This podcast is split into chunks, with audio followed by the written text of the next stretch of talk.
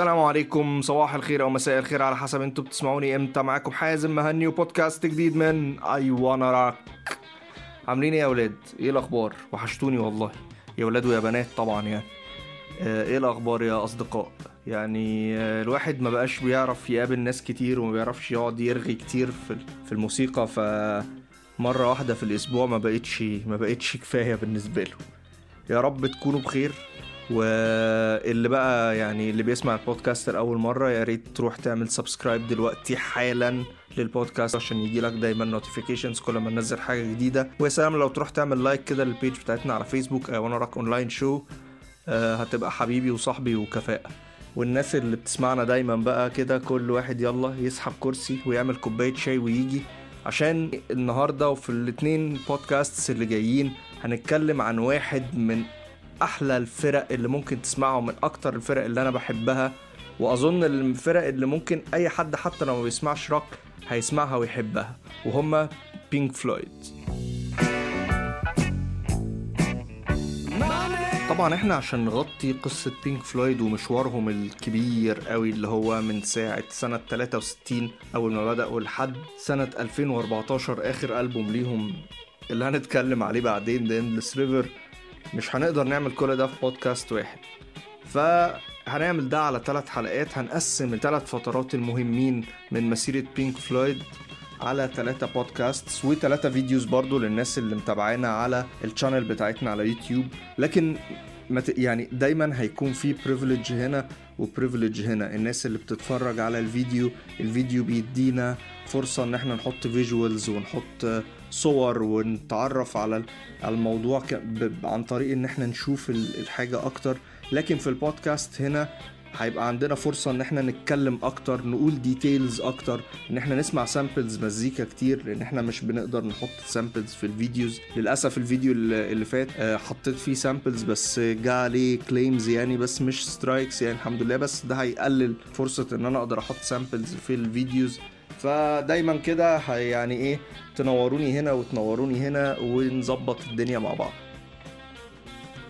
دلوقتي بينك فلويد زي ما قلنا مسيرتهم طويلة جدا لكن أغلب الناس تعرف بينك فلويد من خلال العصر بتاع روجر ووترز من خلال ألبوم زي Dark Side of the Moon و Wish You Were Here و Animals من خلال بعد كده طبعا بعد ما روجر ووترز سابهم ألبوم Division Bell اللي هو من أكتر ال albums ال accessible اللي أي حد برضه بيقدر إن هو يسمعها ويحبها زي ما بنقول حتى لو مش بيسمع rock music لكن قصة بينك فلويد ما بتبدأش مع الحاجات دي.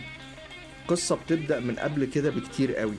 والنهاردة في أول حلقة في السلسلة بتاعتنا بتاعت بينك فلويد هنتكلم عن البداية وأول ألبوم ليهم.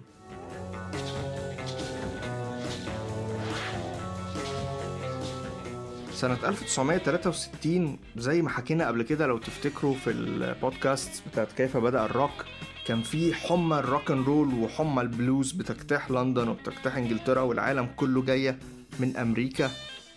وبسبب ده كان في عدد كبير قوي من الفرق في ال underground scene بيحاولوا يلعبوا المزيكا دي بيحاولوا يوصلوا. بس للأسف لأنها كانت حاجة جاية لهم من بره نوعا ما فهم كان مقسومين نصين يا إما الناس بتلعب covers يا إما ناس بتحاول إن هي تقلد الصوت اللي جاي بره ده. فده خلق underground scene كله شبه بعضه شوية الفرق كلها صوتها كان زي بعض. الناس اللي قدرت تنجح وإن هي تظهر كان الناس اللي ليها صوت مميز أو اللي كان ليها فكر مختلف عملته في الموسيقى خلت ال band بتاعهم ده مختلف. من ضمن بقى الناس اللي كانت بتحاول وسط ال underground scene ده كان ثلاثة شباب كده صغيرين زي الورد اسمهم روجر ووترز كان بيلعب bass ريتشارد رايت كان بيلعب keyboards ونيك ميسون كان بيلعب درامز التلاتة دول اتقابلوا وهم بيدرسوا العمارة في لندن وقرروا إن هم مش عايزين يكملوا في العمارة عايزين يسيبوا العمارة ويلعبوا الحاجة ال passion بتاعهم الحاجة اللي هم بيحبوها اللي هي المزيكا. خصوصا إن ريتشارد رايت كمان كان كان دارس موسيقى. في الأول حاولوا إن هم يعملوا كذا band ودخلوا مع كذا حد. حصل كذا version يعني من ال band ما تكونش على طول بينك فلويد دول من من أول لحظة يعني. آه وكانوا في الأول بيلعبوا covers لاغاني R&B وده ما كانش موصلهم للي هم عايزينه يعني كان كان مخليهم زيهم زي الناس اللي حواليهم. وبالسبب ده عدى أعضاء كتير قوي على الفريق وطلعوا وحصل كذا نسخة من ال band. كان في وقت من الأوقات كان اسمهم The Sigma 6 في وقت تاني كان اسمهم The Abdabs كان اسمهم The Megadeaths The Screaming Abdabs The Spectrum 5 لحد ما رسيوا على اسم كان اسمهم The Tea Set ده كان آخر version قبل ما يتغير اسمهم لبينك فلويد وكان ساعتها معاهم ال vocalist وال guitarist بوب كلوس. وفي مرحلة قبل كده أصلا كمان ما كانوش بيلعبوا الآلات اللي هما بيلعبوها. يعني في في version من ال versions ريتشارد رايت كان بيلعب فيها جيتار وروجر ووترز كان بيلعب جيتار ما كانش بيلعب bass سنة 1965 حصل لقطة بقى دي اللي هتغير شكل بينك فلويد وهتغير مسيرتهم وهتاخدهم لل... لأول الخيط عشان يوصلوا لل... للصورة اللي هم وصلوا لها دلوقتي. وهي إن في واحد من صحاب روجر ووترز من أصدقاء الطفولة يعني بتوعه انتقل للندن علشان يدرس الفن والرسم هناك. وبسرعة بسبب معرفة ووترز بالراجل ده وبقد إيه هو شخص artistic وقد إيه هو guitarist صايع و creative عرفه على طول على باقي أعضاء الفريق وبدأ يلعب معاهم جيتار الشخص ده كان اسمه سيد بارت.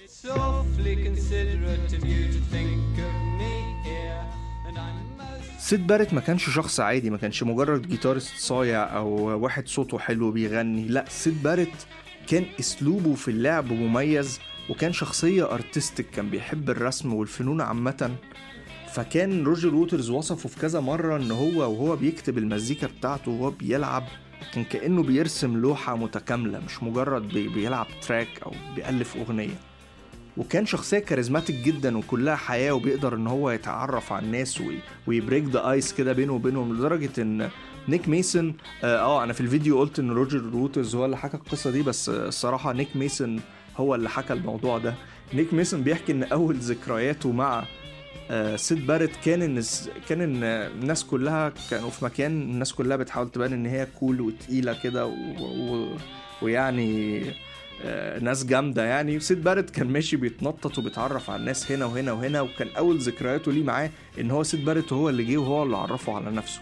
فدي كانت شخصية سيد بارت راجل artist innovative creative و charismatic و full of life بعد انضمام سيد بارت بفترة بسيطة للأسف بوب كلوس اضطر إن هو يسيب الفريق وبكده بقى سيد بارت هو المغني الأساسي وال guitarist الأساسي لل band وجود شخص زي ده بقى غير من صوتهم واتجاههم خصوصا بعد انفراده بان هو بقى الوحيد ال guitarist الوحيد وتقريبا ال main songwriter في ال band. ساعتها كان حتى هو وريتشارد رايت المسؤولين عن التوزيع بتاع الموسيقى. وكان ريتشارد رايت هو اللي بي هو اللي بيظبط ال tuning بتاع ال bass guitar بتاع بتاع روجر ووترز يعني. فهو كان عنده ال main vision مع مع ال band ومع المزيكا بتاعتهم. فوجود شخصية زي دي وبطريقة لعبه اللي كان فيها groove والكلمات اللي كان بيكتبها اللي كانت بتبان إن هي كلمات سهلة أو ممكن تبقى ساذجة لكن كان وراها layers و meanings كتير قوي. ساعدهم كتير قوي إن هم يظهروا ويبقى ليهم الصوت المختلف وليهم الشخصية المختلفة وسط الفرق التانية اللي موجودة في لندن في ال underground scene واحدة واحدة في الوقت ده بدأوا يكثفوا من حفلاتهم ويكثفوا من انتشارهم ويلعبوا حفلات أكتر وقدروا إن هم يطولوا وقتهم يطولوا ال set اللي بيلعبوها. بإن هم يستغلوا قدراتهم في الارتجال في إن هم يعملوا trick صايع كده. إن هم بيبدأوا ال track ب riff، riff groovy كده لطيفة تعلق في دماغ الناس بعد كده يقضوها ارتجال و solos في النص بقى زي ما هم عايزين وياخدوا ال track ويروح ويجي مع استخدام ال light effects اللي كانت بتبقى معمول لها projection عليهم كانت بتدي mood بتدي character كده لل performance ال live بتاعهم.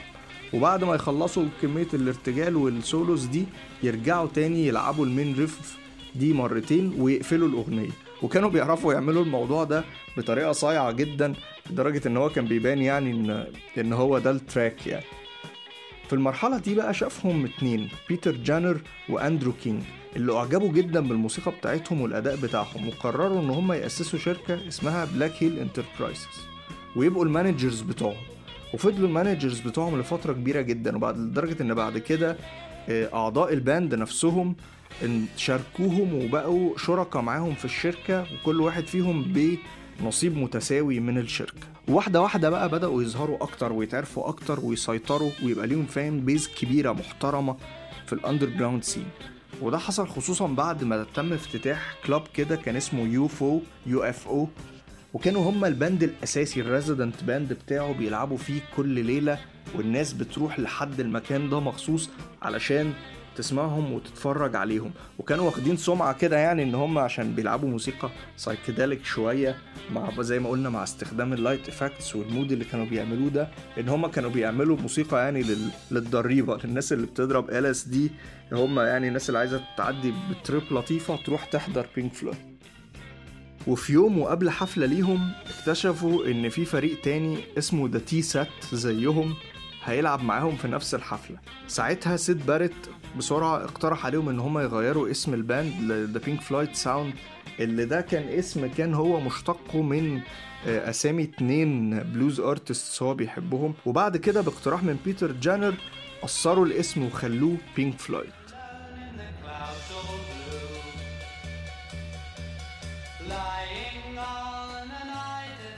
كل ده كان بيحصل و Pink Floyd ما سجلوش أي حاجة لحد دلوقتي. سنة 1967 دخلوا الاستوديو لأول مرة وسجلوا أربع tracks اختاروا منهم واحد إن هو ده يكون أول single ليهم. وال track ده كان اسمه Arnold Layne. Arnold Layne في الأصل كان 15 دقيقة يعني كانوا لما بيلعبوه live كانوا بيقعدوا كان بيوصل ل 15 دقيقة يعني ممكن يكون كمان كان بيعدي ده. كانوا بيقعدوا برضو يحطوا solos ويرتجلوا أجزاء فيه وكده لكن هم اختاروه ورسيوا عليه من ضمن الأربعة اللي سجلوهم لأن ده كان ال track اللي هم يقدروا إن هم ي handle وه شوية بحيث إن هو يوصل لثلاث دقايق أو يعني يبقى في الحدود دي فيقدر ينزل ك single و Arnold Layne ال lyrics بتاعته كانت بتتكلم عن واحد الراجل ده كان بيسرق آه، حرامي غسيل. كان بيسرق هدوم آه، الناس كانوا بيبقوا منشرينها في الشارع ويلبسها كان بيلبس هدوم ستات وبتاع قصة كده twisted فاهم؟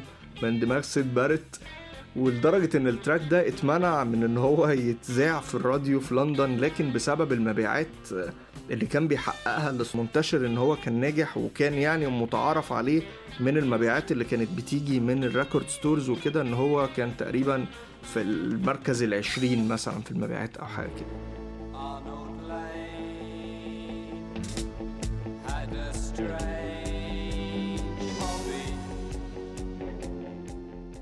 وبعد نجاح Arnold Layne ده خلى شركة EMI إن هي تمضي عقد معاهم إن هم يسجلوا لهم أول ألبوم ليهم. ودخلوا الاستوديو لتاني مرة لكن الموضوع بقى المرة دي كان أصعب وكان بدأ يدخل في الجد شوية. لأن أنت بتتعامل مع شركة بحجم EMI آه أنت هتاخد استوديو هتاخد recording time والدنيا لطيفة. لكن أنت مطالب إن أنت تلعب بال rules بتاعتهم وتمشي زي ما هم عايزين نوعا ما. ودي كانت حاجة يعني صعبة بالنسبة لسيد باريت اللي كان رافض تماما اللي ال producers بتوع EMI بيعملوه كان رافض تماما فكرة إن هم يقولوا له يعمل إيه في المزيكا أو يطلع حاجة عاملة إزاي. وهم في نفس الوقت كانوا بيحاولوا يضغطوا عليه عشان يطلعوا منه ب single تاني آه زي Arnold Layne يقدروا ينزلوه السوق قبل ما الألبوم ينزل. لأن ساعتها كان الاعتماد الأكبر على البيع ما كانش للألبومات كان المقياس كان ال singles إن الناس بتنزل singles كتير ال singles دي تتباع في السوق وعلى اساسها يتحدد ال band ده ناجح ولا لأ. فحصل ضغط كبير قوي وكان الموضوع يعني كان كان معاناة من ال producers بتوع EMI مع سيد باريت لحد ما قدروا أخيرا إن هم يطلعوا منه ب single تاني وال single ده كان اسمه See Emily Play،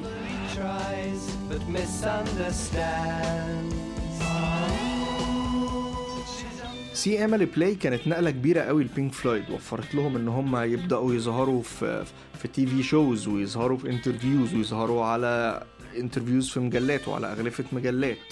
وده شجع شركة EMI إن هي تبدأ تسجل لهم ألبومهم الأول في studios EMI اللي نزل بعد ألبوم بيتلز Sergeant Pepper's Lonely Hearts Club Band بشهور.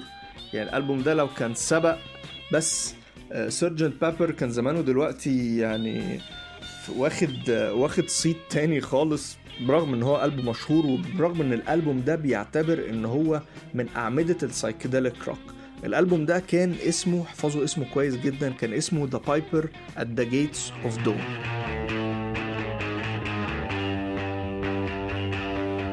The Piper at the Gates of Dawn كان mix آه مرعب. يعني أو مش مش مرعب يعني mix عبقري. كان بيبين قدرة سيد بارت إن هو يكتب تراكات space rock psychedelic كلها improvising وكلها effects زي Interstellar Overdrive أو زي Astronomy Domine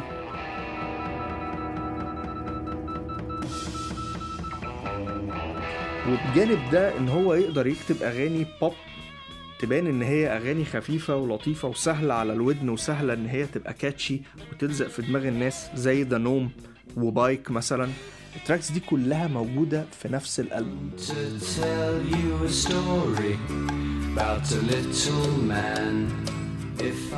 وال producers بتوع EMI كانوا عملوا برضو حركة صايعة جدا أثناء تسجيل الألبوم ده. كان معروف بينك فلويد إن هم ملوك ال underground ملوك ال live فكانوا عايزين يوصلوا الإحساس وال sound بتاع بينك فلويد من اللعب في ال live للشخص اللي بيسمع الألبوم بحيث إن أنت لو ما حضرتهمش live تبقى عايز تحضرهم live لو أنت واحد من الناس اللي متعودين يحضروهم في ال club في UFO لما تسمع الألبوم مش هتقول لأ إيه ده بتاع مش ده ال sound مش ده اللي أنا متعود عليه لأ هتحس إن ال sound قريب. وعشان يعملوا كده من يعني عملوا كذا خدعة كان من ضمنها مثلا حاجة إن هم عادة أثناء التسجيل أيامها كان بيتحط screens كده separators ما بين أعضاء الفريق وهم بيسجلوا علشان على قد ما يقدروا يتحكموا في إن ال sounds ما تخشش على بعض وإن هم ياخدوا ال sound اللي طالع direct من كل instrument في تسجيل The Piper Gates of Dawn شالوا كل ال separators دي وخلوا ال mics بحيث إن المايكات تقدر إن هي تلقط noise من اللي حواليها شوية فالموضوع يكون real أو قريب من التجربة اللي بتتم أثناء اللعب live طبعا نوعا ما يعني هو مش live album فطبعا مش هقدر أقول لك إن هو بينقل ال experience ال live تماما بس بينقل ال atmosphere برضه بجانب الحاجات اللي في The Piper at Gates of Dawn إن ال lyrics بتاعت سيد بارت كانت متأثرة بقصص fantasy كتيرة قوي كان من ضمنها طبعا Tolkien's Lord of the Rings وكذا حاجة تانية. وده هتلاقيه في ال في, ال في ال lyrics الحالمة ال dreamy ال fantasy. وانت بتسمع الألبوم وانت ماشي في الألبوم في رحلتك فيه وانت تسمعه track by track الألبوم لو انت مش حد دايس قوي psychedelic أو انت مش متعود متعود على زي ما قلنا الألبومات اللي بعد كده بتاعت بينك فلويد هيبقى غريب بالنسبة لك في الأول. لكن حاول تركز في ال groove زي ما قلنا وفي ال lines الجيتار. الصايعة قوي في ال effects الغريبة العبقرية اللي كانوا بيستعملوها في الألبوم ده. The Piper at the Gates of Dawn انتهى تسجيله ونزل ونجح نجاح شديد جدا وكان من الألبومات المميزة زي ما بنقول ساعتها. والنجاح ده أخد بينك فلويد لقدام وخدهم في حتة تانية خالص والناس كلها كانت بتتكلم عنهم. لكن في نفس الوقت النجاح ده كان بياخد عقل سيد بارت في الاتجاه المعاكس. سيد بارت مع كل خطوة للشهرة كان بيزيد انعزاله عن العالم وعن حتى باقي أعضاء ال band وده كان بسبب رفضه للأضواء وطريقة تعامل الناس اللي في ال music industry مع الموسيقى بتاعته وقد إيه هما كانوا بيحاولوا يسيطروا عليها ويبقوا manipulative عشان يحطوها في قوالب بتاعتهم. القوالب دي ما كانتش بتبقى متوافقة مع فكره مع الطريقة اللي هو عايز زي أي artist يوصل بيها الفن بتاعه للناس. وللأسف من قبلها كان سيد بارت بيستخدم LSD ومع زيادة الشهرة بتاعتهم ومع زيادة الضغط عليه كان بيزيد استخدامه لل LSD وده كان بيفصله عن العالم تماما لدرجة إن هو كان ممكن ساعات يفوت حفلات ويفوت بروفات لل band. وفي واحدة من الحفلات المشهورة سيد بارت بطل لعب خالص وادى ظهره للناس وقعد يلعب نوتة واحدة بس طول ال performance بتاعهم. بس الموضوع عدى يعني والناس افتكروا ده جزء من ال performance في حفلة تانية مرة دخلوا عليه روجر ووترز كان بيحكي الموضوع ده وروجر ووترز خلد القصة دي يعني بعد كده. لو دخل عليه لقاه قاعد على كرسي ماسك سيجارة الرماد بتاعها لحد الآخر وفي حالة غياب عن العالم تماما واضطر إن هو وبقية أعضاء الناس يحاولوا يسعفوه عشان يقدر يقوم يلعب الحفلة. الموضوع ده خلده روجر ووترز زي ما قلنا في track comfortably numb اللي نزل في ألبوم The Wall مرة تانية كان عندهم performance في, في برنامج Top of the Pops ده كان من أحلام ال artist هناك إن أي حد فيهم يطلع يلعب يظهر في التلفزيون على Top of the Pops ويشوفوا كل الناس من خلال شاشات التلفزيون. روجر ووترز كان هيتجنن إزاي؟ سيد باريت مش excited للموضوع ده. وسيد كان بيعمل فيهم حركة. Top of the Pops أيامها كان معتمد على ال lip syncing. يعني ال artist ما كانوش بيلعبوا المزيكا بتاعتهم live كانوا بيحركوا شفايفهم مع الأغنية. فسيد باريت عمل فيهم إيه يا معلم؟ كان آه، وهم بيعملوا في البروفات آه آه تمام أنا معاك ويقعد يغني ويحرك شفايفه كده أول ما يقولوا يلا اكشن يقف ساكت خالص ما. ما يتحركش. قعد يعمل فيهم الموضوع ده كذا مرة كذا مرة لدرجة إن في الآخر روجر ووترز هو الممثل يعني إن هو اللي بيغني ال track. واحدة واحدة للأسف سيد باريت بقى شخص تاني خالص خصوصا إن هو كان عنده سكيتسوفرينيا فاستخدام ال LSD كان غلط جدا عليه وأدى لوجود physical damage حصل لعقله. وده للأسف آه، هو كان رافض كمان إن هو اللجوء لدكتور نفسي أو كان رافض للعلاج يعني. والشخصية اللي كانت مشهورة بإنها شخصية اجتماعية ونشيطة وبتسمع كل الناس وهما بيتكلموا عنه إن هو قد إيه كان charismatic وقد إيه كان فيه لمعة في عينيه. تسمع بعد كده كل الناس بيقولوا إن اللمعة دي انطفت والشخصية دي بقت شخصية منعزلة مش عايزة تتعرف على حد خالص. وده برضو خلده روجر ووترز اللي استخدم شخصية سيد باريت في concepts كتير قوي وفي ألبومات كتير قوي كان من أشهرها. أغنية Shine On You Crazy Diamond وانهيار سيد باريت عمل حالة ذعر بين أعضاء بينك فلويد وبين الناس اللي في شركة EMI اللي كانوا شايفين إن سيد باريت هو بينك فلويد ومن غير سيد باريت بينك فلويد مش هيقدروا يقدموا أي موسيقى جديدة. وده كان حقيقي إن حقيقي إن سيد باريت مش هيطلع أي موسيقى جديدة مش هيكتب مش هيقدروا يطلعوا منه بأي حاجة جديدة. لدرجة إن آخر أغنية اقترحها عليهم كانت مجرد نكتة بيزاولهم بيها. مرة راح لهم الاستوديو آه، قال لروجر ووترز أنا كتبت أغنية جديدة اسمها Have You Got It Yet تعالى أعلمها لك. فووترز قال له فل قعد فقال له هعلمك الكورس. فقعدوا مع بعض فقعد يلعب الكورس تان تان have you got it yet تان تان تان تان تان have you got it yet فووترز قعد لعب معاه وبتاع واتعلم منه. بعد كده قعدوا يلعبوها ست مرات.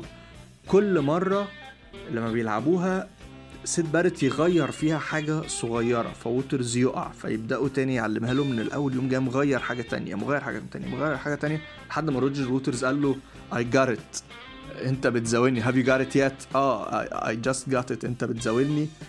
وهتقعد تغير كده وإحنا مش هنخلص. ودي آخر مرة روجر ووترز لعب معاه فيها أو حاولوا إن هم يعني يكتبوا مزيكا مع بعض. في سنة 1967 شهر ديسمبر اضطر بينك فلويد مع غيابات بقى سيد باريت ومع انفصاله عنهم زي ما بنقول إن هم يضموا ليهم ال guitarist ديفيد جيلمور. ديفيد جيلمور كان صديق شخصي لسيد باريت وسيد باريت هو اللي كان معرفه عليهم وحتى كان بيحضر ال recording sessions بتاعت See Emily Play من قبل ما ينضم للفريق يعني بصفته صديق لسيد باريت جيلمور قعد قعد فترة يلعب معاهم بجانب وجود سيد باريت كان الفريق ساعتها خمس أشخاص. لحد ما جيلمور قدر إن هو يتعلم كل الأغاني.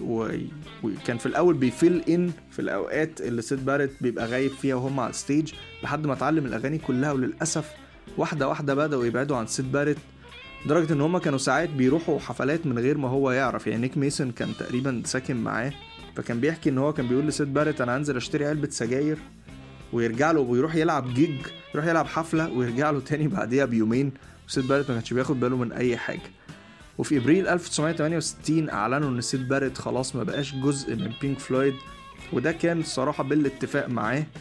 وبدأ جزء جديد بقى في تاريخ بينك فلويد من غير للأسف العبقري سيد باريت اللي قصته فضلت موجودة وفضلوا بيستخدموها وفضل ليها تأثير على حاجات كتير قوي بعد كده وقدروا برضو إن هم يطلعوا منها بفلوس. يعني أنت بتلاقي سيد باريت بيظهر في Dark Side of the Moon في إن Dark Side of the Moon في جزء من ال concept بتاع الألبوم بيتكلم على من ضمن ال fears بتاعت الناس إن أنت تتجنن. ده كان inspired by سيد باريت ال concept بتاع The Wall كله عبارة عن mix بين قصة حياة روجر ووترز وقصة سيد باريت وزي ما قلنا بيظهر فيه أجزاء حصلت بالفعل مشاهد حصلت بالفعل مع سيد باريت Wish You Were Here طبعا.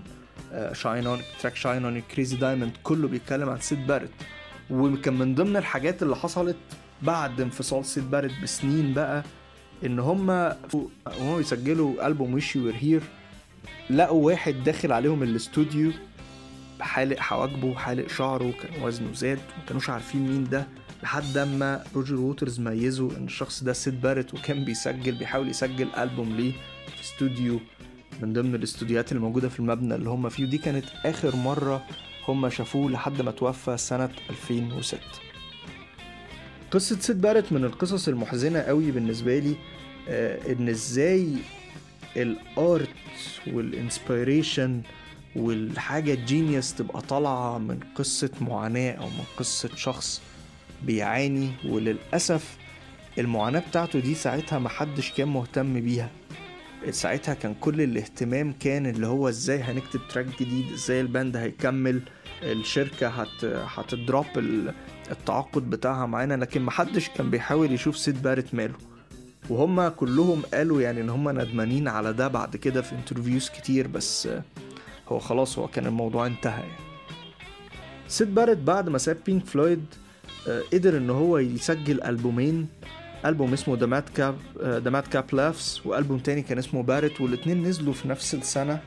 ما كانش ليهم نجاح commercial قوي لأن صوتهم كان مختلف نوعا ما عن الشغل اللي كان عامله في The Piper at the Gates of Dawn الألبومين كانوا acoustic وكانوا فيهم حتت folk كده. Madcap Laughs ديفيد جيلمور وروجر ووترز شاركوا في ال production بتاعه. وبارت جيلمور هو اللي كان ال main producer بتاعه جيلمور أصلا لعب فيه لاينات bass وريتشارد رايت كمان هو اللي سجل ال keyboard. تقريبا رايت كمان كان من ضمن ال producers بتوعه. وبس وعند هنا وقفت المسيرة الفنية لسيد بارت انعزل بعد كده وكان عايش لوحده مش حد يعرف عنه أي حاجة. زي ما بنقول حتى وفاته سنة 2006 أه لو حد حابب إن هو ياخد experience مختلفة عن الراجل ده أو يعرف أكتر اسمعوا فعلا الاتنين solo albums بتوعه. آه ال sound مختلف لكن ال albums accessible أكتر لو أنت مش بتحب ال psychedelic آه ال lyrics بتاعتهم أنا بالنسبة لي كانت بتبقى painful عشان ال background story بتاعت سيد بارت لكن المزيكا جميلة لعب الجيتار ال acoustic حلو جدا.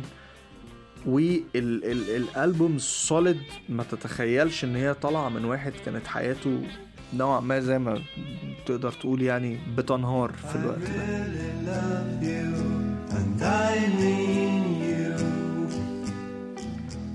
قصة Pink Floyd بقى ما وقفتش عند هنا طبعا زي ما قلنا لسه في chapters تانية و chapters هيظهر فيها سيد بارت تاني وهنرجع إن إحنا نتكلم عليه تاني.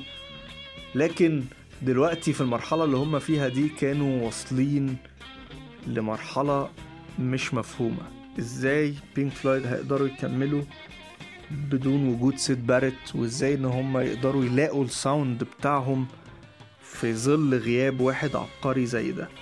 ده اللي هنعرفه بقى في بقية الحلقات بتاعة سلسلتنا Pink Floyd في A1 Rock يا رب البودكاست ده يكون عجبكم ويا رب الموضوع فعلا يكون interesting بالنسبة لكم زي ما هو interesting بالنسبة لي الصراحة حتى وأنا بتكلم عنه وأنا بدور عليه. لو البودكاست ده عجبكم زي كل مرة أقول لكم اعملوا له share في كل حتة. اعملوا subscribe للبودكاست عشان يجي لكم notifications جديدة. اعملوا like لل page بتاعتنا A1 Rock online show على فيسبوك أنا حازم مهني كل ال social media بتاعتي التويتر وإنستجرام هتلاقوها تحت في ال description بتاع ال show. كلها باسم حازم مهني يعني. آه ال tracks اللي شغلناها samples النهارده مع بعض تراكات كده هختارها من albums سيد بارت هنضيفها لل playlist بتاعه البودكاست اللي بتنزل على سبوتيفاي وعلى أنغامي. هتلاقوها في ال في ال في أول comment لو أنتوا على ال page بتاعتنا على فيسبوك أو لو انت لقيت البودكاست على تويتر عندي هتلاقيها في ال thread في ال tweets التانية أو في ال stories بتاعتي على انستجرام تلاقوها يعني تلاقوني مسيح لها في كل حتة. أه بس أشوفكم إن شاء الله الأسبوع اللي جاي. وكل سنة وأنتم طيبين. Keep on rocking.